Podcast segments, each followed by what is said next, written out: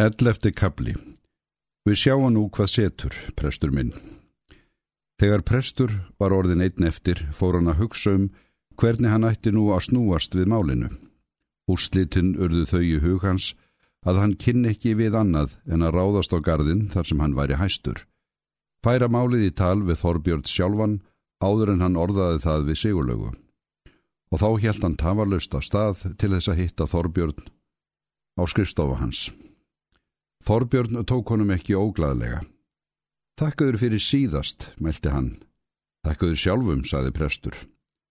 Við höfum vist ekki sérst síðan á skólanemdarfundinum. Egið þér við hann? Já, við hvað ætti ég að eiga annað?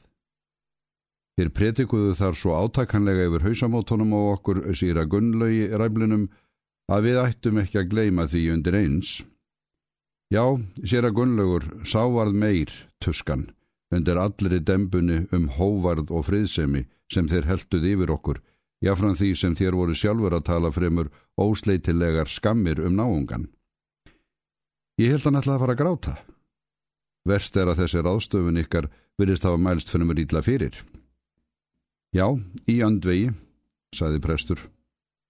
Víðar, Karlminn, miklu víðar, allstaðar þar sem öndvegi er lesið, og það blað var að minnstakosti lesið í hverju húsi. Betra fara gætilega.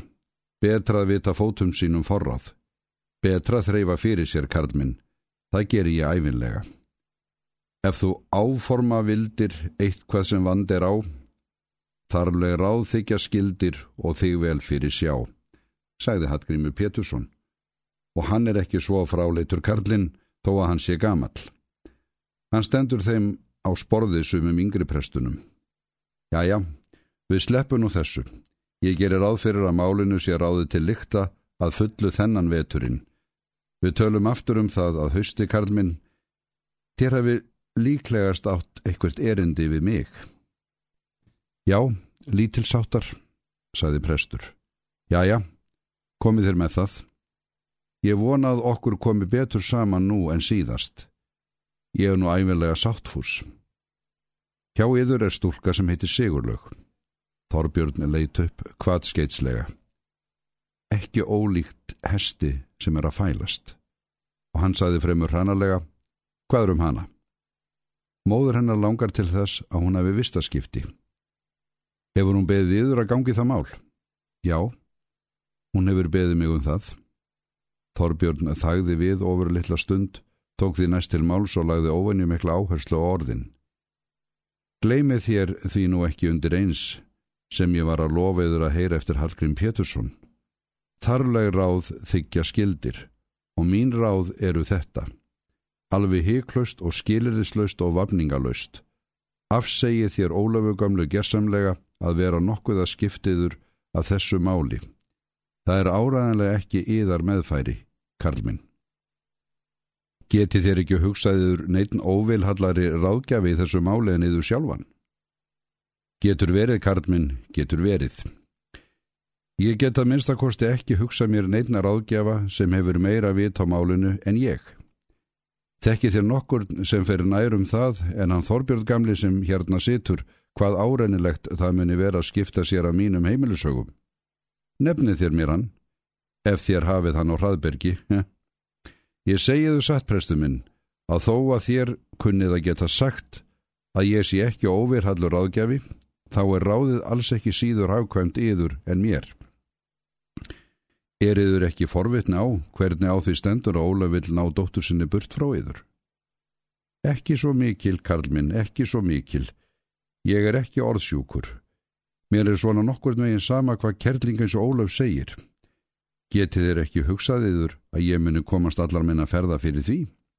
Jú, en jáfnframt gengi ég að því vísu að yður standi ekki á sama um það hvort þið særið aldurnigna og mæta móður. Ekki heldur um það hvernig þið breytið við unga stúrku sem á engan að hér í bænum. Mér finnst skilda mín að segjaður hvað fyrir konunni vakir. Hún segir að þér spillið mannorði dóttur sinnar, hún segir að þér spillið henni sjálfri Hún segir að dóttir sín sé í mikill hættu og yðar heimili. Og þessu hefur hún beðið yður að skila? Nei, hún hefur ekki beðið mig að skila neinu. En eins og ég sagði þur áðan, hefur hún beðið mig að vinna því að dóttir sín komist burt af viðar heimili. Og þér ætlaði að gera það? Áður en ég svara þeirri spurningum finnst mér ekki óeðlilegt að þér svarið sakargiftum konunar einhverju og segið mér hvernig þér lítið á máli sjálfur. Þorbjörn hafði setið við skrifbórsitt og prestur beint á mótu honum við hinallið borðsins. Nú stóð Þorbjörn upp.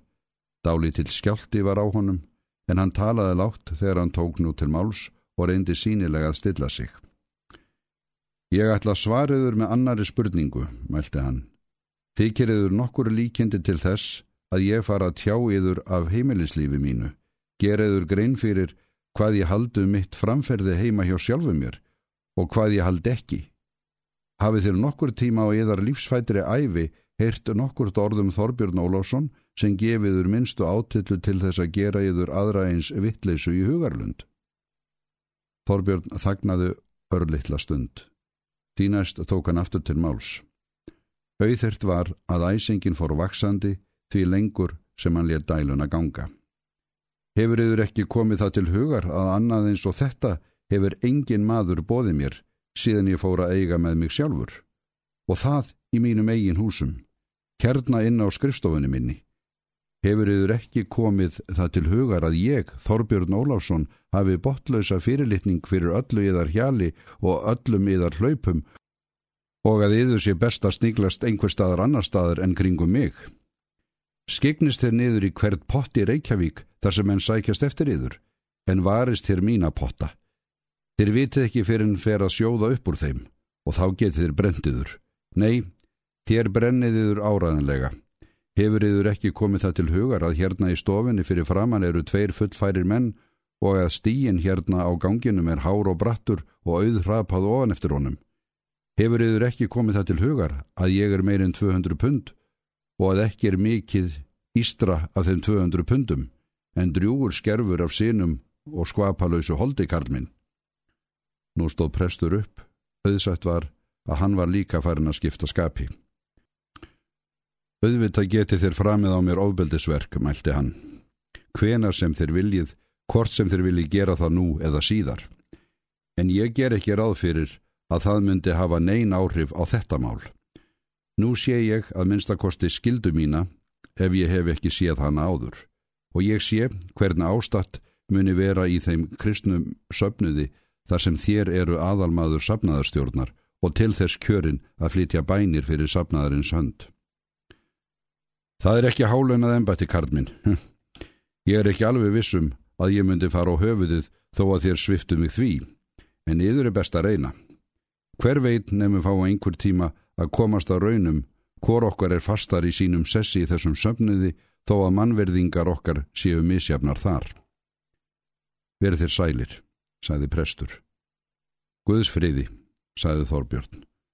Og hægri fóturinn á honum fór á loft um leið og presturinn fór út úr dyrunum en snart hann samt ekki. Þorbjörn gekk um gólf í skrifstofu sinni. Hugurinn var æstur og gatt í fyrstu ekki annað en eldprest með ídlindum. En ekki leiði landum áður en hugurinn komst heim til sigurlögar. Þorbjörn fór að hugsa um samvistartíma þeirra og engum um indisleg kvöld síðari hlutan. Síðastliði vor, þegar hún kom til hans, hafði hún verið all ólík því sem hún var nú orðin. Ef til vil hafði prestinum og öðrum drömbum fundist þar um afturför að tefla en Þorbjörni fast annað þó að nokkuð erði ódrjútt í portvinsflöskunni síðustu vikurnar. Ætli henni væri það þá of gott. Öll verk sín hafði hún gert af snild, en hún hafði verið fálát eins og sveitastúlkum er títt. Hann hafði veitt henni aðtekli frá fyrstu, en hún hafði eins og forðast hann. Hann hafði gefið henni smá gjafir, hún hafði þakkað þær hæversklega, en lengra varði ekki með hann að komist.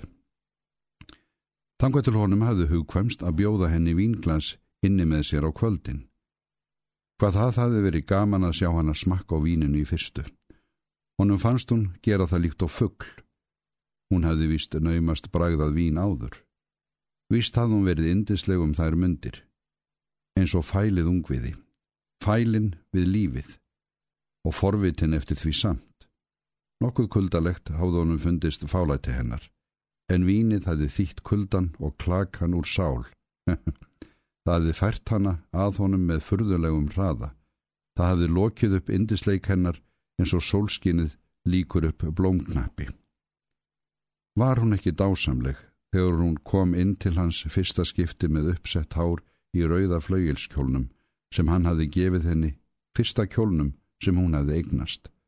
Rjóð var hún og niðurlút og feimin og fulla fögnuð og þakklátsemi þegar hún rétti honum höndina til þess að þakka honum fyrir þetta fat sem hæfði konungsdóttur og hann spurði hana hvort hún ætlaði ekki að kissa gamla mannin og rauðar, hlýjar og mjúkar varirnar höfðu kistan utan á nefið.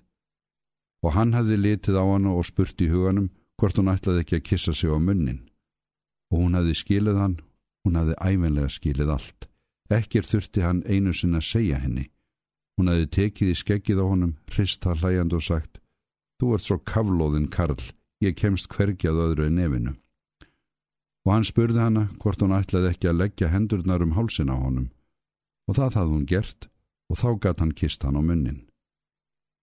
Og var hún ekki óviðjafnanleg þegar þau voru orðin tvö einn eftir niðri á kvöldin og hún kom til hans léttfætt og gladleg í stuttum rauðdrófnáttum morgunkjól sem hann hafði líka gefið henni og flegði sér í hægjendastól og tegði frá sér fæturnar og spurði hann hvort aðra stúlkur hefðu minni fætur og kifti þeim að sér og fall þá innan í pilsinu og sagði að hann var í karl og hann mætti us ekki vera að horfa fætur á ungum stúlkum. Og ef hann tækja á sér oftar þá skildu hún aldrei fyrirgefa honum það. Og þá skildu hún aldrei fara úr eldhúsinu alla sína æfi korkin nóttni dag. Og var hún ekki enn óviðjafnalegri þegar hún stóð upp með skringilegt hátíðarandlit og saðist alltaf mæla fyrir minni hans, tók portvinsglasið og drakk úr því í botn og fylti það aftur og hend eftir Jóni Sigurðsynni varð nákvæmlega eins og hann í málrómnum og óskiljanlega líkonum í framann. Og sagði að Þorbjörn Kaupmaður Ólásson hm, væri sá eini maður hm, hér í bæ með ódöðlegri sál, hm, eiginlega öllu heldur með ódöðlegu starfstreki og lífskrafti. Og þegar hún hafði komið honum til að veltast um af hlátri, svo að hann treysti sér ekki til þess að sitja kyrr á stólnum, en sá þann kost vænstan að flytja sig í legubekkin og veltast þar, þá hafði hún allt í einu brugði fyrir sig sínum eiginum álrómi, litið framann í hann hlæjandi, ástríkum augum og sagt að hann væri langbæsti karlinn sem til væri í veröldinni. Og nokkur tíma hefði verið til í veröldinni og nokkur tíma yrði til í veröldinni. Og að í hann væri þúsund miljón sinnum meira varið en alla unga spjátrunga og að nú ætlaði hún að drekka hans skál. Og þrátt fyrir alla þessa gladverð og innan um alla þessa kátínu var hún saklaus eins og barn. Um það gatt hann best borið. Við hafið það borið að honum hafið þótt nóg um það sakleysi. Nú þótt honum vænt um það. Engin gatt neitt að henni fundið með réttu. Ef einhver sagði eitthvað misjamt um hana, þá var það lígi. Nú fyrst hugsaðan um það sem fagnaðarefni. Já, margs, ótalmargs, var að minnast þessa síðustu mánuði. Aldrei hafði hann hugsað sér að hann nætti annað eins eftir. Með sigurlaugu hafði hann glemt að fullu strítin og argin og áhyggjunum. Hjá henni hafði hann kastað ellibelgnum. Hjá henni hafði hann fundið fagnaðaströyma læsa sig um líkam og sál eins og þegar hann var tvítúur. Og nú ætlaði presturinn að taka hana frá honum. Presturinn. Við getum nú séð. Sá balvaður, andlegur lundabæki og lúsablesi og gorkúla og geldingur. Þorbjörn rækti í huganum langa, langa runa výtlirðum. Presturinn sem auðvitað hafði ísublóð í æðum og let líða yfir sig ef hann kom næri kvenpilsi. Hann ætlaði að gera sig að dómara yfir þróttmannum þjóðarinnar sem geimdu í sér þar einu mergleifar sem eftir er í Íslendingum. Við getum nú séð. En hvað það var vittlust að vera að gera sér rell út af þessu pressjali. Samt gæti hann ekki þrætt fyrir það við sjálfan sig að honum var órótt, ekki út af neinu sem presturinn hafði sagt. Það fyrirleit hann eins og sorpið í göturennunum. Hann gæti hrækt á það, helst samt hrækt framann í prestin sjálfan. En Sigurlaug hafði verið eitthvað undarleg nú nokkur kvöld, óvenjulega fálát, sagst vera lasin þegar hann vildi vera henni góður. Ekki leið eins og áður, annarkvort alls ekki leið eða þá leið uppgerðar hlátri að honum fannst. Og hugur hans kvarlaði að þeirri hættu að prestur kynni þrátt fyrir allt og allt að fá sínumáli framgengt og sigurlaug ríki burt frá honum. Hver gatt vitað nema þessir pretikunar kæftaskar næðu valdi og ungum óþróskuðum stúlkum? Ekki vantaði þá málbeinið. Og alltaf mátti láta hvern fólk tárast með nógu sætu ræðupsulli. Reyndar hjælt hann ekki að sigurlegu myndi vera sérstaklega grátgjand eða presta fortölur eiga mjög reynslétta rás inn um hlustirnar á henni. Í hennar hug var meira sólskin en rigningum, en hver veit samt. Og hann fann að hann vildi síður missa sigurlegu en allt annað. Heldur missa efni sín og álit og vald á mönnunum. Hvað var það allt saman í samanburði við dillandi hlátur og kvíta handleggi og unað æskunar og dularfullan, óumræðilega mjúkan vonagróður eftir kalda þyrkingstaga. Og honum fannst að ætti hann að missa hana, yrði auðn utanum sig. Hvar átti hann þá að vera á kvöldin? Og til hvers átti hann að hlakka? Og að hann yrði sjálfur að gamalmenni. Og snöggvast var þann fullur af meðöngum með sjálfum sér, en hann hristi þá veiklun af sér skindilega Ég skal ekki, ég skal ekki, við sjáum nú hvað setur, prestur minn.